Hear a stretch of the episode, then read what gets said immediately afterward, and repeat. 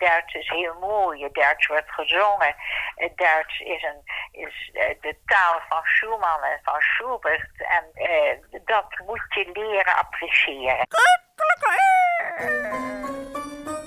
Hier is Hanengekraai door Luc Drosten met Elisabeth Bierens de Haan.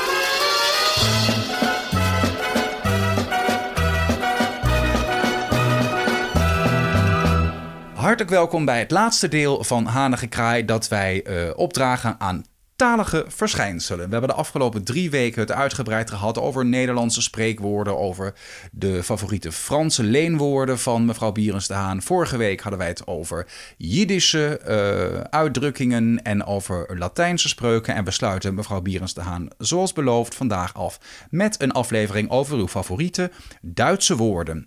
Wat heeft u met het Duits? Je zeggen, na de Tweede Wereldoorlog had ik er niets mee. Nee. En ik wilde het niet spreken. Tot ergernis van mijn ouders, want die zeiden: als je gaat reizen en je wil stewardess worden, dan moet je toch Duits leren. Dus die onzin moet afgelopen zijn. Ik heb naar hun geluisterd. En toen langzamerhand kwam de uh, intentie om weer, uh, nou ja, om, om, goed op school mijn best te doen, dat ik uh, redelijk Duits sprak. Maar desalniettemin had ik er toch na die Tweede Wereldoorlog vreselijke moeite mee. Omdat in de oorlog de Duitsers alleen maar schreeuwden en commandeerden. Maar daar begon het, daar ja. bestond het Duits niet uit. Het Nee. Duits is een literatuurtaal. Het Duits is heel mooi. Het Duits wordt gezongen.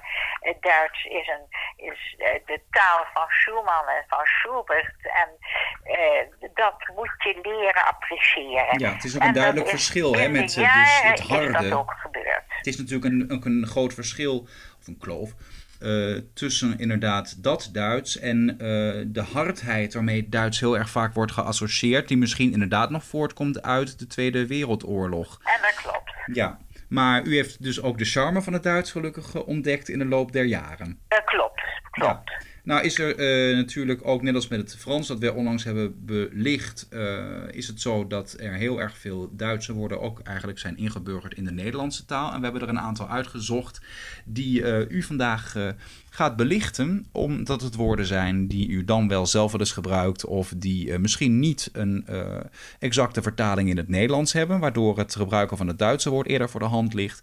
En ik ben heel benieuwd, wat is het eerste woord dat u wilt belichten? Voordat ik de belichting van het eerste woord doe, leg ik even de luisteraar uit hoe de invloed van Duits in de Nederlandse taal plaatsvond. In de 19e eeuw gingen heel veel Nederlanders, überhaupt mensen, toeristen, naar Wiesbaden, naar Duitsland om te kuren. Naar de kuuroorden. Ja. En daar ontmoetten ze allerlei Gretchens. En men was hoofs. En men was hoffelijk en charmant. En de meisjes werkten hard. Dus die Gretchens die gingen massaal naar Nederland. Dus mijn grootouders hadden een Duits meisje, Gretchen, in huis. En ze was een schat. En ze deed alles keurig. En toen die Tweede Wereldoorlog kwam, die heeft een beetje de boel verpest. De Gretchens gingen weer terug naar hun heimaat. En daar kwamen andere hulpen die dan beschikbaar waren in de oorlog. Was ook niet makkelijk. Dus voor die Tweede Wereldoorlog is er een soort invloed geweest van Duitsland naar Nederland. En daar zijn dus woorden blijven hangen. En je vraagt me wat is het eerste woord? Dan zeg ik bijvoorbeeld wat ik een mooi woord vind. Vingerspitsengevoel. Dus als je dingen goed aanvoelt, van wacht eens even, ik doe dat vandaag niet, maar morgen. En het blijkt dat je dat goed gevoeld hebt, dat noem je een vingerspitsengevoel. Ja, ik denk dat het ook een woord is dat heel erg bij u past, omdat u iemand bent die eh, ja, eh, misschien ook eh, licht spiritueel ingesteld bent en er dingen misschien ook soms op gevoel wel of niet doet. Dus u luistert helemaal. waarschijnlijk goed naar uw eigen vingerspitsengevoel. En dat klopt, heel, dat klopt helemaal. U had net ook trouwens al heel leuk het woord heimaat liet u even vallen. Is ook zo'n typisch woord wat heel moeilijk naar het Nederlands te vertalen valt. Precies, heimaat. Dat heeft ook iets heel charmants. Ik ga naar mijn heimaat. Ik ga weer naar mijn vader en moeder in de heimaat. Dat is eigenlijk niet te vertalen. En het is een gevoelswoord. Eh, het, het toont aan geborgenheid, veiligheid. En dat zijn die bijzondere woorden die wij eh, ja, waar ik dus mijn aandacht op vestig. Ja. Ik ben wel heel erg benieuwd wat dan uw eigen, als u nou echt denkt, wat eh, voelt voor u als de heimat? Is dat Amsterdam-Zuid of is dat Amsterdam in het algemeen of Nederland? Mijn heimat is mijn huis. En dan in het Grieks, hup, serves mekadoma. Dat betekent my home is my castle. En eh, dat castle staat in de oude Euterbestraat, later gedoopt in Gerrit van der Veenstraat, in het zuidelijk gedeelte van Amsterdam. Maar Zuid heeft zich uitgebreid tot achter het Vondelpark. Je hebt Oud-Zuid, je hebt Nieuw-Zuid, maar dit is Oud-Zuid. Nou, dat is duidelijk. En, uh... Dat is mijn heimat, omdat ik hier geboren en getogen ben. Ik ben hier geworteld. We gaan naar het uh, tweede woord. Wat voor woord wilt u nog meer belichten? Een leidmotief. Kunt u dat toelichten? Ja, dat is een, een term die in de muziek veel voorkomt. Het leidmotief, het, het hoofdthema van het stuk van Schubert is dat en dat en dat. En dat komt dan steeds weer terug in die impromptu. Dan krijg je het leidmotief is het hoofd, het leidende motief is dit of dat. En in het Duits moet je dat zeggen, want dat klinkt ook zo. Dat hoort bij Schubert. Ja. Leid en het hoort bij Schumann. Leidmotief. Je zou ook een leidmotief kunnen hebben als een soort uh, raison d'être, als een soort uh, ja, strohalm of een, een, een leidend iets in je ja, leven. Een leidend iets zeg je heel goed. Het is een, uh, een geleider die je rondleidt in het muziekstuk. We gaan door naar het volgende woord. Wat is het volgende woord? Een Einzelganger. Bent u zelf een Einzelganger? Ja, ik ben een Einzelganger, ja. Wat verstaat u eronder? Een Einzelganger is iemand die wil geen drukte om zich heen. Hij zit in een hoek en opeens denkt hij, ik heb een prachtig stuk in mijn hoofd. Dat ga ik nu spelen. Ik heb een compositie gemaakt. En dan moet je een Einzelganger voor zijn. Dan moet je een beetje, uh, niet autistisch, is weer wat anders. Maar je moet uh, tevreden zijn met de stilte die om je heen is. En niet de hele dag gieren, brullen, juichen, joelen, uh, noem maar op. Want dan kom je niet aan wat een Einzelganger waar die wel aan komt, dat is inspiratie uit de stilte. We gaan naar het volgende woord. Wiedergutmachung. Oh, dat sluit mooi aan op het feit dat we net over de oorlog begonnen te praten. Wiedergutmachung. Ja, Kunt u het toelichten? Ja, ik heb jaren geleden een wiedergutmachung uit Duitsland gehad. Omdat mijn grootvader is vergast in Auschwitz. En de firma Maror is een grote organisatie, een wereldorganisatie van banken, instellingen, ook Duits. En dat is mooi, dat is, dat is een enorme instelling. Die hebben geld beschikbaar gesteld en die hebben gezegd: alle kleinkinderen en kinderen, nazaten van overleden, van vermoorde eh, familieleden, die krijgen allemaal een bedrag. En dat is mij toebedeeld geworden. En dat is gebeurd een jaar of 20, 25 geleden. En dat was een wiedergutmachung. Ja, nou, dat is uh, uh, inderdaad een, ook een, een, een onvertaalbaar woord. Wat is het volgende woord? Rücksichtsloos. Rücksichtsloos. Bent u zelf een, rücksicht, een rücksichtsloze vrouw, mevrouw Bienstra? Nee, dat ben ik niet. Nee. Kunt u toelichten wat het is? Ik, uh, ik werk net als met biljarten. Ik speel over de band. Als ik iets gedaan wil krijgen, dan ga ik dat omzichtig doen en dan wil ik mijn doel bereiken. Rücksichtsloos is een olifant door de porseleinkast. Niets ontziend. Boom, bam, boom, bam. Porselein valt, het breekt.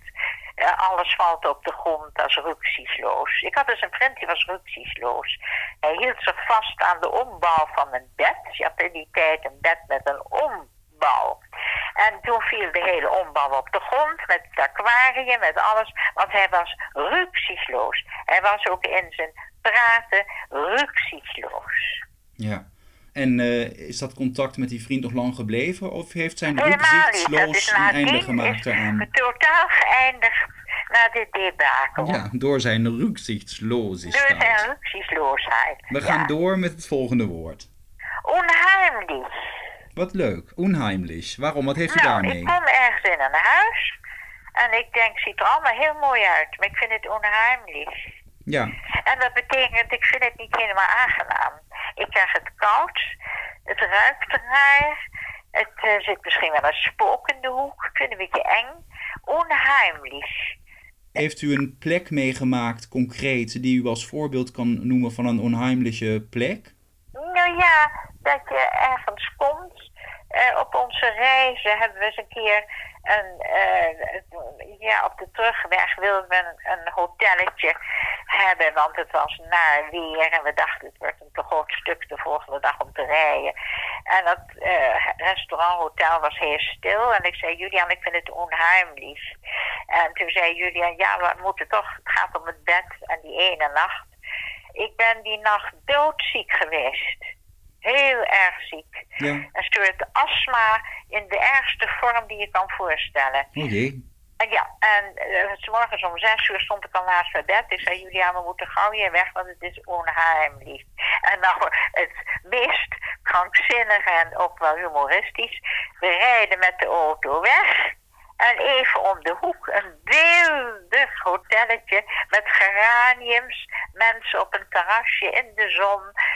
En ik zei, daar hadden we moeten zijn. Maar we waren de avond ervoor zo moe dat we dachten, de eerste beste uitspanning, daar gaan we in.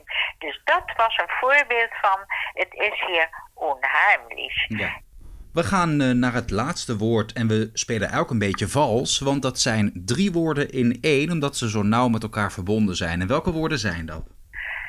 Gründlich, ordentlich, pünktlich. Het zijn ook heel erg Duitse woorden die ook heel erg geassocieerd worden met de Duitse, um, ja, een soort de, de, de, kenmerk van de Duitsers. Het is uh, bekend dat de uh, moeder van uh, koningin Wilhelmina, de moeder, Emma, ja. Emma was klein, die was een jaar of zes. En haar moeder zette Emma op een kleine pony. En zei, nou ga je uh, even dat terrein rondrijden op die pony. Het regende, het was naar weer, het was winderig. En toen zei ze, dat is goed, want dan word je gründlich en je wordt ordentlich en je wordt pünktlich. Want ik wil dat je over een uurtje weer terugkomt. En dat hoorde bij de opvoeding, want men wilde paardrijden, want dat hoorde natuurlijk allemaal erbij. En ze moest leren wat pünktlich was, ordentlich, gründlich. En dat, die elementen had uh, koningin Wilhelmina ook. En je vindt het ook terug bij Beatrix, heel sterk bij Beatrix. Gründlich, dat is de Duitse kant in, in de Oranjes. Gründlich, pünktlich, ordentlich. Dus als er iemand komt en bij je komt, oh god, ik heb het vergeten, hè, wat stom. Um, ja, dat is nou heel vervelend. Dan moet ik dat heel eind weer terug om het te halen. Uh, die, is, die persoon is dus niet gründlich, niet pünktlich, niet, niet ordentlich. Ze zorgen een beetje voor betrouwbaarheid, hè? En dan zal ik ook moeten bedenken... voor stevigheid, betrouwbaarheid ja. en voor vastheid. En ze zijn volgens mij wel in het Nederlands te vertalen. Dan zou ik zeggen grondig, punctueel en ordentelijk. En toch klinken ze dan in het Duits dan prettiger. zo'n kracht. Nee, precies. Nou, het is helemaal duidelijk. Het is mooi dat uh, ook mensen misschien ja, dus geïnspireerd kijk, worden... om weer eens wat vaker Duitse woorden te gebruiken in dagelijks taalgebruik is dat veel mensen daar de pest aan hebben, want dat wordt weer samengevoegd met de Tweede Wereldoorlog. Want die ordentelijkheid die heeft er ook voor gezorgd dat er zoveel mensen vergast zijn. Maar nu moeten we dat loskoppelen en gewoon zeggen: het goede van die Duitse mooie taal, dat houden wij vandaag de dag in het vizier. En de nare dingen, wat er gebeurd is, dat heeft nu niet te maken met de schoonheid van de taal en de schoonheid van de muziek. Dus vandaag speelde ik Schumann.